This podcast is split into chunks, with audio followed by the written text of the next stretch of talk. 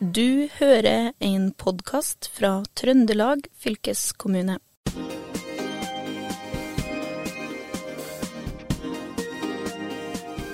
I denne episoden av Fylkesboden skal vi gå under vann og snakke om en eh, skapning som kan bli 300 år og kanskje enda eldre.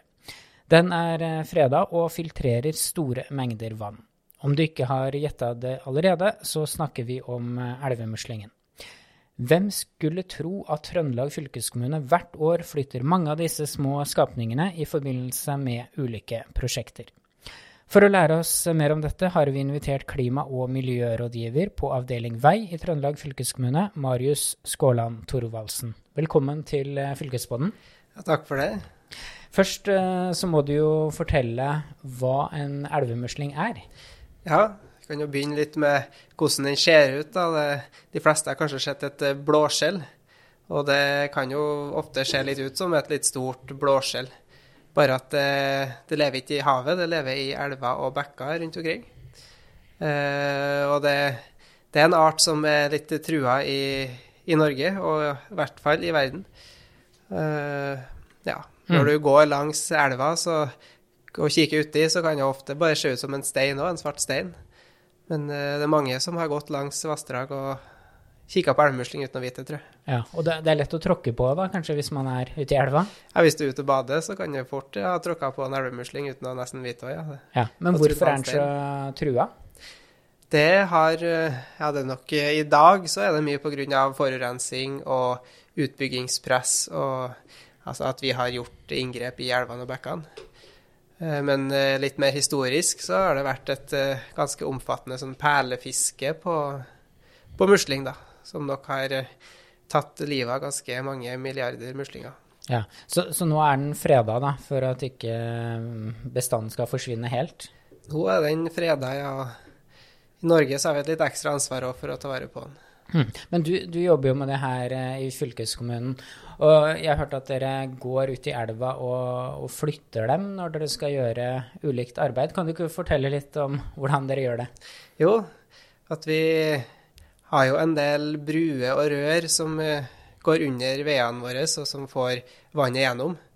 Og det må vi av og til gjøre vedlikehold på, og da hender det seg jo at det er musling i de elvene og bekkene som vi skal ut og, og jobbe i. da. Vi kommer jo gjerne med gravemaskin og skal rote litt i bunnen, og så må vi kanskje staupe litt og så skifte f.eks. et rør. da. Og da står vi jo fare for å eh, drepe muslingen hvis vi graver den opp og blir liggende på land, så tørker den ut og dør. og eh, Kjører vi over den, så kan den jo knuses. Og, og slipper ut for mye forurensning, så kan den jo ta skader, det òg. Så da ja, tar vi, oss, tar vi på oss vadebuksa og vannkikkerten og eventuelt en håv hvis det begynner å bli litt dypt, og så går vi og plukker musling og flytter en lenger opp. da. Mm. Og medprogramleder Rabeya, eh, visste du at fylkeskommunen holdt på med det her? At de er ute i elva med vannkikkert og kikker ned etter eh, små muslinger? Nei, jeg aldri visste om det. Så det er i forbindelse med den podkast jeg kom til å vite mer om elvemusling, og har begynt veldig nysgjerrig og begynt å lese litt og mer. Som Marius også har sagt, at Norge har litt ekstra ansvar til elvemusling. Som jeg har også lest, og kanskje han kan forklare litt mer Hvorfor det? Mm. Ja.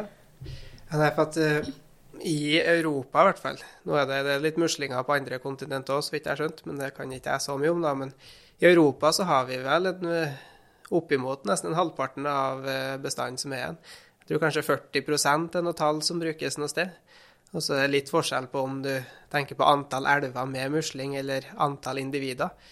Men det er i hvert fall en stor andel av muslingene i Europa som er i Norge. Og også i Trøndelag så har vi en ganske sterk bestand sammenligna med mange andre steder i Norge òg, da. Eh, ellers er det vel Russland og Sverige tror jeg som har mye, mye musling, og kanskje litt, litt i Storbritannia i nordlige deler der. Men er det noe spesielt i norsk natur som er grunnen til dette? Ja, Det er et godt eh, spørsmål. Eh, det, det jeg klarer å komme på, er vel at tross alt så har vi mye uberørt natur i Norge fortsatt. Det, vi er ikke så mye folk som i mange andre deler av verden, så vi, vi har ikke ødelagt så mye ennå. Det kan at det er så enkelt. Uh, ja. Men kan det bli flere elvemuslinger da? Liksom, eller er de så trua nå at de bare til slutt vil bare forsvinne? Ja, de er, de er jo i stand til å formere seg, det er de. Uh, men det, det som er litt den faretruende trenden, er at vi snakker om en forgubbing av bestanden. Da. At uh, vi får en eldrebølge av muslinger som ikke klarer å reprodusere seg. Ja. De kan jo bli veldig gamle òg. Ja, det er nettopp det. Så når du først eh, begynner å slite, så tar det en del år før du oppdager at eh, den sliter. Ja. At den blir såpass gammel. Og antallet går ikke ned før kanskje 50 år, når, når folk begynner å dø. De blir jo, kan jo bli flere hundre år gamle. ja. For det, det jeg lurte litt på, hvordan, hvordan oppdager dere at de eh, elvemuslingene her sliter, da? Det, det, er, det er vel en overvåkningsserie som har gjort det hovedsakelig, tror jeg. da. At man har kikka nå i, i en 20-30 år og funnet ut at eh, bestandene går nedover. Og man ser litt på alderssammensetningen, da, at det er mye gamle muslinger i vassdragene og få, få unge. da. Mm. For, for en musling har lest, den kan filtrere opptil 50 liter vann i døgnet. Og jeg tenker, hvis, hvis det vannet er veldig forurensa, da kan man se det på elvemuslingen? Liksom at filteret er tett, eller noe sånt? Ja, jeg, jeg vil jo tro du kan se det litt på I hvert fall eh, hvis du kikker litt på eh, Tar du skallet til muslingen, så kikker litt på hva den består av, så tror jeg jo du kan se litt på hva slags forurensning som har vært i elva ut ifra hvordan muslingen har bygd skallet sitt. Mm. Eh, ellers så vil jeg jo si den åpenbare grunnen er hvis du finner mye tomme skall. Ja, da er det fare på ferde. Ja. Hva, hva gjør dere da, da, i, i, i fylkeskommunen? Vi har vel ikke eh, nok erfaring med å oppdage det. Men eh, det er gode, mange eksempler på typen turgåer som har ringt inn og, til en eller annen myndighet og sagt at oi, her har jeg kommet over ei strand med masse tomme muslingskall. Og man måttet da begynt å undersøke hva er det som har skjedd her. Er det forurensing? Er det naturlig? Er det Hva er det? Mm. Da, Men, ja, men hvis elvemuslingene forsvinner helt da, fra norske vassdrag, vil vi merke det på noen måte? Det kan nok hende at det er, er noen vassdrag som vil få dårligere vannkvalitet, og, i og med at de renser vann og, og sånn. Mm. Men jobben din høres jo veldig spennende ut, da, men veit du hvor eh, mange elvemuslinger eh, eh, fylkeskommunen flytter i løpet av et år? Det vet jeg. Jeg har vært med på å flytte alle vi har flytta hittil, i hvert fall. Ja. I forbindelse med vei. Og da, i fjor, 2021, det blir jo forrige fjor det nå, da, så flytta vi 2500 stykker. Og det anser i hvert fall jeg som ganske mange, da. I fjor så flytta vi ca. 500. ja. Så det vil jo variere på prosjekt hvor mange vi har, og, og hvor mye musling det er i de vassdragene vi jobber i. da. Men tilbake til det her med at uh, elvemuslingen renser vannet, da. For det, uh, elvemuslingen er vel en sånn indikatorart, er den ikke det? Som betyr at den sier noe om tilstanden i elva. Uh, så da tenker jeg, som vi var litt inne på, hvis, hvis elvemuslingen forsvinner eh, helt, da, da vil sannsynligvis vannkvaliteten bli dårligere. Men, men eh, veit dere noe om betydningen for elvemuslingen, hvor viktig den faktisk er? Jeg vet ikke om jeg har noe godt svar på det i stort bilde, nei. Men det er jo den eh, vannrensefunksjonen den har, Mm. som eh, renser jo vann. Og, og er det populasjonen stor nok, så har jeg vel lest at alt vannet som når fjorden, kan ha vært rensa i løpet av veien fra fjellet til fjorden. Mm. Og det, det kan jo selvfølgelig ha en betydning, uten at jeg klarer å si hvor stor den er. Ja, men med dagens teknologi kan man ikke komme opp med noen eh, et sånn renseanlegg som fungerer minst like bra? Det skal ikke se bort fra at man kan det, men kostnadene på det kan jo være en del større enn å ta vare på muslingen. Da, Mm. for Ja. Ja. ta miljøhatten på. Ja, ikke sant. Men hvor, hvor mange er dere som jobber med det her i fylkeskommunen, da? Eh, Som eh, har vært med og flytta fra oss, så er det mest meg. Og så har vi jo byggeledere og, og prosjektplanleggere, eh, planleggere da, som eh, bistår rundt, og som er avhengig av, av den jobben jeg gjør, kan du si. da.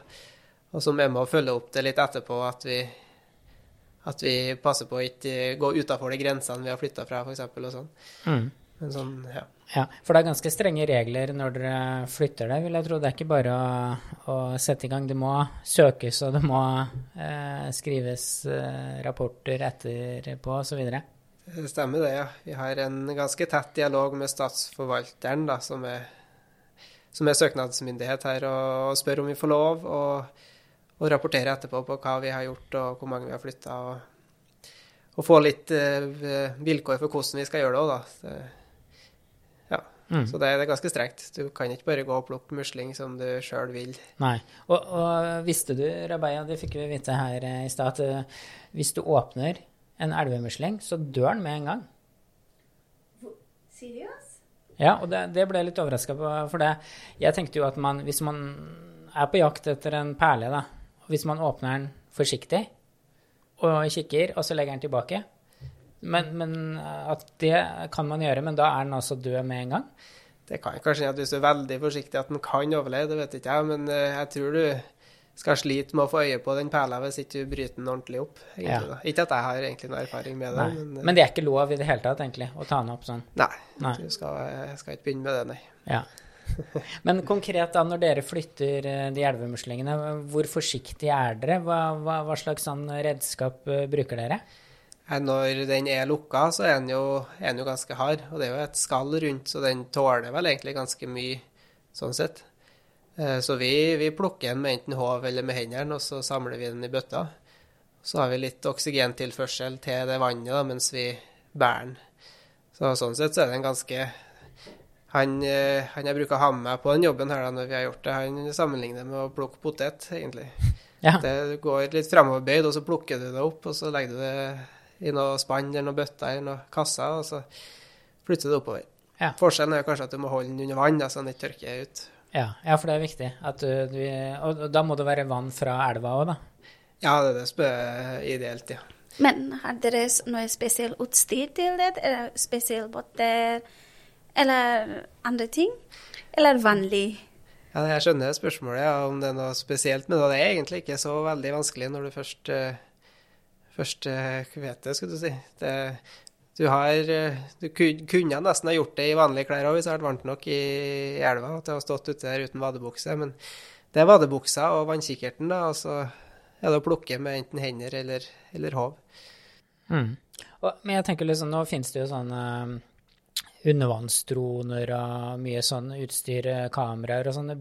Bruker dere det til noe grad da, for å finne elvemuslingen og overvåke vassdragene? Eh, ikke fra vår side, i hvert fall. Det er mest nymotens teknologi jeg har hørt om på det, sånn miljø-DNA som Nina driver på med, hvor man kan ut ifra en vannprøve se om det er musling eller ikke. Ikke at man finner ut hvor den er i vassdraget, men man tar en prøve og ser. Her får vi utslag på musling i prøveresultatene. Hmm. Rabei, jeg vet at du er jo opptatt av klimaendringer, for du jobber jo ganske tett med bærekraft.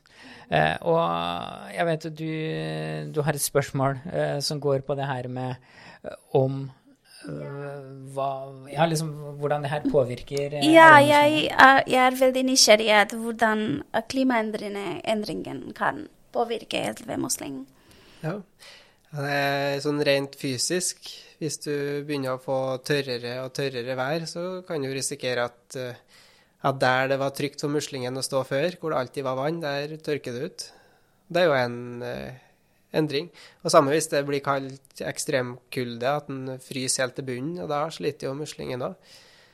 Og så kan eh, eh, større flommer kan jo rive med seg bestandene lenger ned i vassdraget. Eh, eller eventuelt komme ja, andre endringer i måte, habitatet som gjør at det ikke er levelig. da. Så som betyr at hvis vi har um, ekstrem sommer eller ekstrem vinter, begge er ikke bra for elvemuslingen. Du kan jo si det litt sånn. Jeg lurer på om det var noen eksempler for et par år siden på, på Vestlandet et sted hvor man eh, faktisk flytta muslingen fordi elva holdt på å tørke ut. De områdene hvor den sto. Mm. Men, men, jeg lurer liksom, når dere flytter muslingen, får den det like bra på det nye stedet? For det er jo sånn når man flytter eh, matjord i forbindelse med veibygging, så, så er det jo eh, en grunn til at matjorda ligger der den ligger. Og det tenker jeg er samme med elvemuslingen. når du flytter den til et nytt sted, eh, kan man da være sikker på at den får det akkurat like bra som den hadde det før den ble flytta? Eh, sikker kan man nok ikke være på det, nei. Eh, det, det åpenbare negative er at du, du endrer veldig på hvor mange individer som står på samme sted. Hvis vi flytter, hvis vi flytter gjerne fra eh, si 40-50 meter oppafor ei bru og 50-100 meter nedafor brua. Og Hvis vi da setter ut det på innenfor 20 meters område, så er det jo ganske mange flere muslinger innenfor de 20 meterne vi flytter det til, enn de 100-150 meterne de var i utgangspunktet. Så det kan jo være litt sånn bestand, Bestanden kan jo ta litt skade av det, men vi prøver jo å finne egna habitat når vi legger ut. Og da er det jo hovedindikatoren vår er det musling der fra før. Hvis det er det, så er det jo en indikator på at det, det går an til å sette ut her, da. Men har dere noe kart uh, hvor det finnes elvemusling og sånn? Så dere vet at ok, på, hvilk, uh, på den området vi har mer, mer elvemusling enn andre områder og sånn? Det som finnes, er, er kart over hvilke elver og bekker som har musling. Men internt i ei elv eller én bekk, så noen finnes det sikkert kart over, og, men de fleste tror jeg ikke det gjør det. da. Så da, det hender seg at vi har vært ute og kikka i forkant. Hvor er det muslingen er hen her? Og så har vi kommet tilbake en uke etterpå og så flytta den. At vi, vi, har litt kontroll. da. Mm. Men, men, når dere har flytta elvemuslingene, da, og det har gått litt tid, drar dere ut og sjekker om en har det bra? Vi har vel brukt å vært ut et par ganger etter at vi har flytta dem, ja. Mm. Og sett, sett etter eh, vi kaller akutt dødelighet. At det ligger masse tomme skall, eller at vi ikke finner igjen noen. Mm. Da kan vi med trygghet si at vi har um, lært oss ganske mye om elvemuslinger. Vi kan mye mer om det nå enn da vi starta sendinga her. Um, vi sier tusen takk til Marius Skåland Thorvaldsen i Trøndelag fylkeskommune. Takk for at du bidro og på gjenhør. Du har eh, hørt en podkast fra Trøndelag fylkeskommune. Hør flere episoder på Spotify eller trondelagfylket.no.